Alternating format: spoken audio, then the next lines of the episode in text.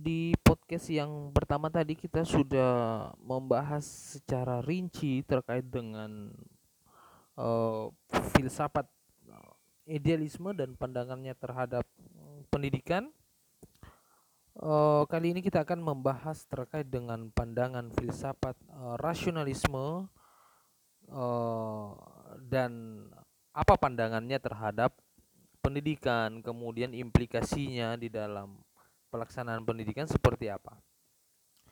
Sebelum jauh uh, menjelaskan terkait dengan pandangan uh, secara khusus pendidikan menurut aliran realisme, uh, secara umum saya ingin menjelaskan bahwa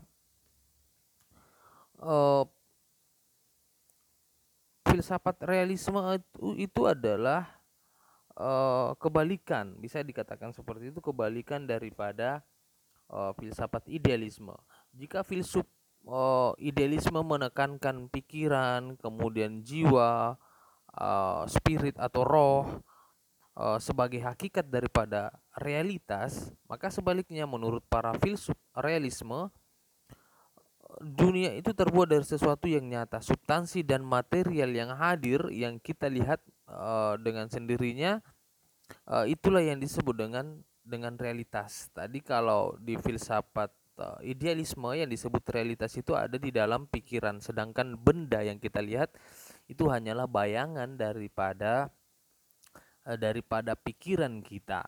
Nah, itu kebalikan daripada uh, idealisme apa realisme jadi kalau realisme ia memandang bahwa kenyataan itu adalah objektif yang bersifat uh, kebendaan yang tidak ada hubungannya dengan uh, dengan pikiran nah kemudian realitas menurut uh, realisme itu adalah hakikatnya bersifat objektif artinya bahwa realitas itu bisa berdiri sendiri, tidak tergantung atau tidak bersandar pada pikiran, kemudian jiwa uh, dan spirit. Namun demikian, tokoh-tokoh uh, realisme itu tetap mengakui keterbukaan realitas terhadap pikiran untuk dapat mengetahuinya. Hanya saja uh, realitas menurut pandangan realisme itu uh, bukan berbeda dengan pikiran atau dunia itu bukan atau berbeda dengan pikiran atau keinginan manusia. Nah, selanjutnya bagaimana kemudian hakikat manusia menurut aliran realisme?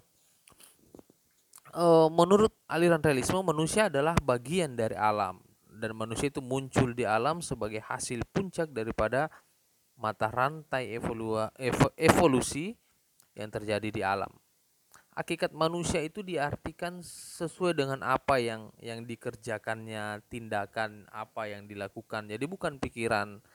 Jadi realisme itu memandang realitas tadi saya ulang, memandang realitas itu bersifat objektif dan kebendaan. Adapun pikiran atau jiwa itu adalah suatu organisme yang sangat rumit dan yang mampu berpikir. Ia juga memandang pikiran atau jiwa itu sebagai sesuatu uh, organisme yang mampu berpikir. Nah, manusia dan masyarakat uh, juga di dalam aliran realisme itu dipandang sebagai bagian daripada uh, bagian daripada alam. Nah, karena di alam semesta terhadap hukum alam yang mengatur dan mengorganisasikannya, maka untuk tetap survive dan bahagia, maka tugas dan tujuan manusia menurut menurut aliran ini adalah menyesuaikan diri terhadap uh, hukum-hukum alam dan masyarakatnya termasuk budayanya.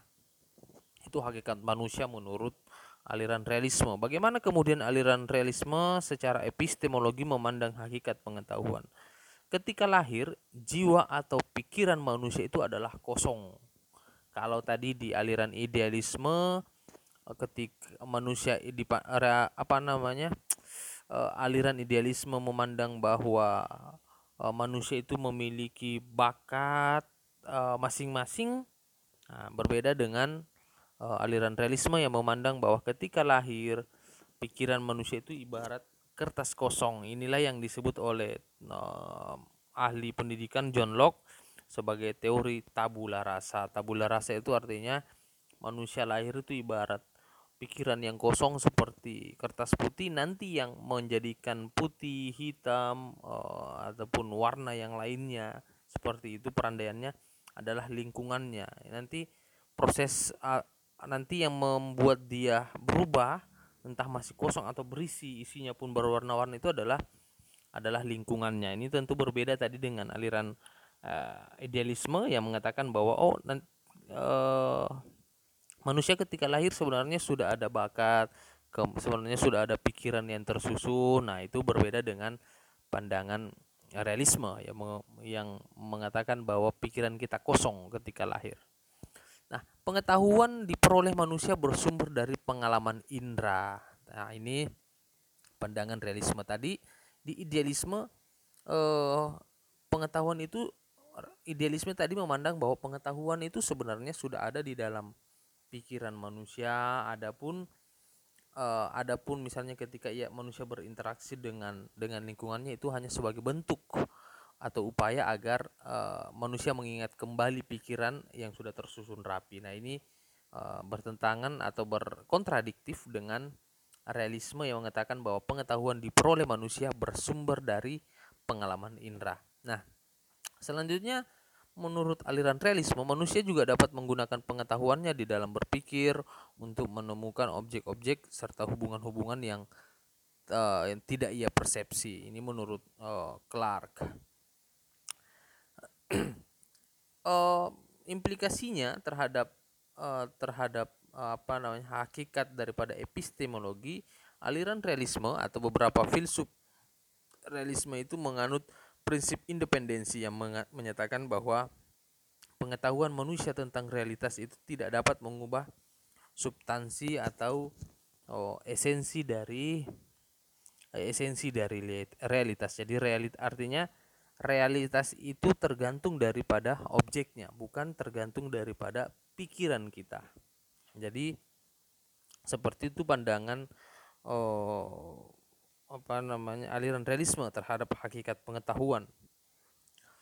Nah, e, karena realitas e, menurut aliran realisme itu bersifat material material dan nyata, maka kebenaran misalnya ada pengetahuan kebenarannya pengetahuan tersebut harus diuji dalam dalam kesesuaiannya dengan fakta di dalam dunia material atau e, pengalaman diri. Contohnya misalnya uh, ada konsep yang mengatakan bahwa gula itu manis ya maka cara membuktikannya adalah dengan dengan mencicipi gula tersebut. Teori ini disebut dengan teori eh, korespondensi. Jadi harus dialami langsung untuk menemui objeknya bahwa gula itu gula itu manis ya seperti itu selanjutnya adalah bagaimana kemudian uh, implikasi uh, filsafat uh, aliran realisme terhadap pendidikan yang pertama adalah tujuan pendidikan menurut aliran realisme. Pendidikan pada dasarnya bertujuan agar para siswa dapat bertahan hidup di dunia yang bersifat alamiah, kemudian memperoleh keamanan dan hidup bahagia. Nah, ini adalah tujuan uh, pendidikan menurut aliran uh, realisme. Adapun tokohnya misalnya salah satunya adalah Edward Power yang menyimpulkan bahwa pandangan para filsuf realisme dia menyimpulkan dari beberapa pandangan tujuan pendidikan realisme adalah untuk penyesuaian diri dalam hidup dan mampu melaksanakan melaksanakan tanggung jawab sosial. Adapun uh, implikasinya terhadap kurikulum uh, aliran filsafat realisme mengamanatkan bahwa sebaiknya kurikulum meliputi pendidikan yang uh, sifatnya sains atau IPA dan matematika, kemudian ilmu-ilmu kemanusiaan dan ilmu-ilmu sosial serta uh, serta nilai-nilai. Nah, tentu tadi berbeda dengan pandangan idealisme yang mengamanatkan bahwa lebih uh, siswa harus dilatih agar uh, banyak melakukan aktivitas-aktivitas mental, aktivitas-aktivitas pikiran. Nah, selanjutnya implikasi metode pendidikan uh, menurut aliran realisme menurut aliran realisme semua uh, proses belajar tergantung pada pengalaman baik pengalaman langsung maupun tidak langsung seperti misalnya melalui membaca buku mengenai hasil pengalaman orang lain. Jadi uh, menurut aliran realisme sebaiknya siswa itu harus misalnya kalau ingin bersepeda ya belajar bersepeda sebaiknya harus dilakukan langsung oleh oleh uh, oleh si pembelajar ya. Berbeda tadi dengan dengan uh, aliran filsafat idealisme yang mungkin banyak melakukan aktivitas-aktivitas pemikiran yang bersifat teoritis dan dan sebagainya. Kedua apa namanya seperti membaca tadi dan pengalaman orang lain kedua-duanya perlu disajikan kepada siswa baik pengalaman langsung atau tidak langsung. Kemudian metode penyajian hendaknya bersifat uh, logis dan psikologis. Uh, pembiasaan juga di dalam pandangan realisme itu pembiasaan merupakan metode utama yang diterima oleh uh, para filsuf realisme yang merupakan penganut uh, paham behaviorisme atau teori perkembangan Metode pengajar yang disarankan oleh para filsuf realisme itu bersifat otoriter. Misalnya guru mewajibkan para siswa untuk dapat menghafal, uh, menjelaskan dan uh, membandingkan antara fakta, kemudian mengimprestasikan hubungan hubungan-hubungan dan dan mengambil kesimpulan makna baru. Adapun pandangan uh, aliran filsafat realisme di dalam peranan guru dan siswa, ia memandang guru bahwa Guru adalah pengelola kegiatan belajar mengajar di dalam kelas. Guru adalah penentu materi pelajaran, kemudian guru harus uh, menggunakan minat siswa berhubungan dengan dengan mata pelajaran. Nah, saya pikir uh, itu dulu tugasnya. Saya ingin memberikan tugas nanti uh, mencari aliran-aliran filsafat pendidikan kecuali yang dua yang yang sudah kita bahas jadi nanti masih banyak misalnya aliran yang bersifat uh, humanisme kemudian ya banyak lagi lah. Nanti silahkan nanti silahkan di uh, dicari lagi. Saya kira cukup. Nanti kita diskusi secara uh, langsung melalui virtual kelas sekian. Assalamualaikum warahmatullahi wabarakatuh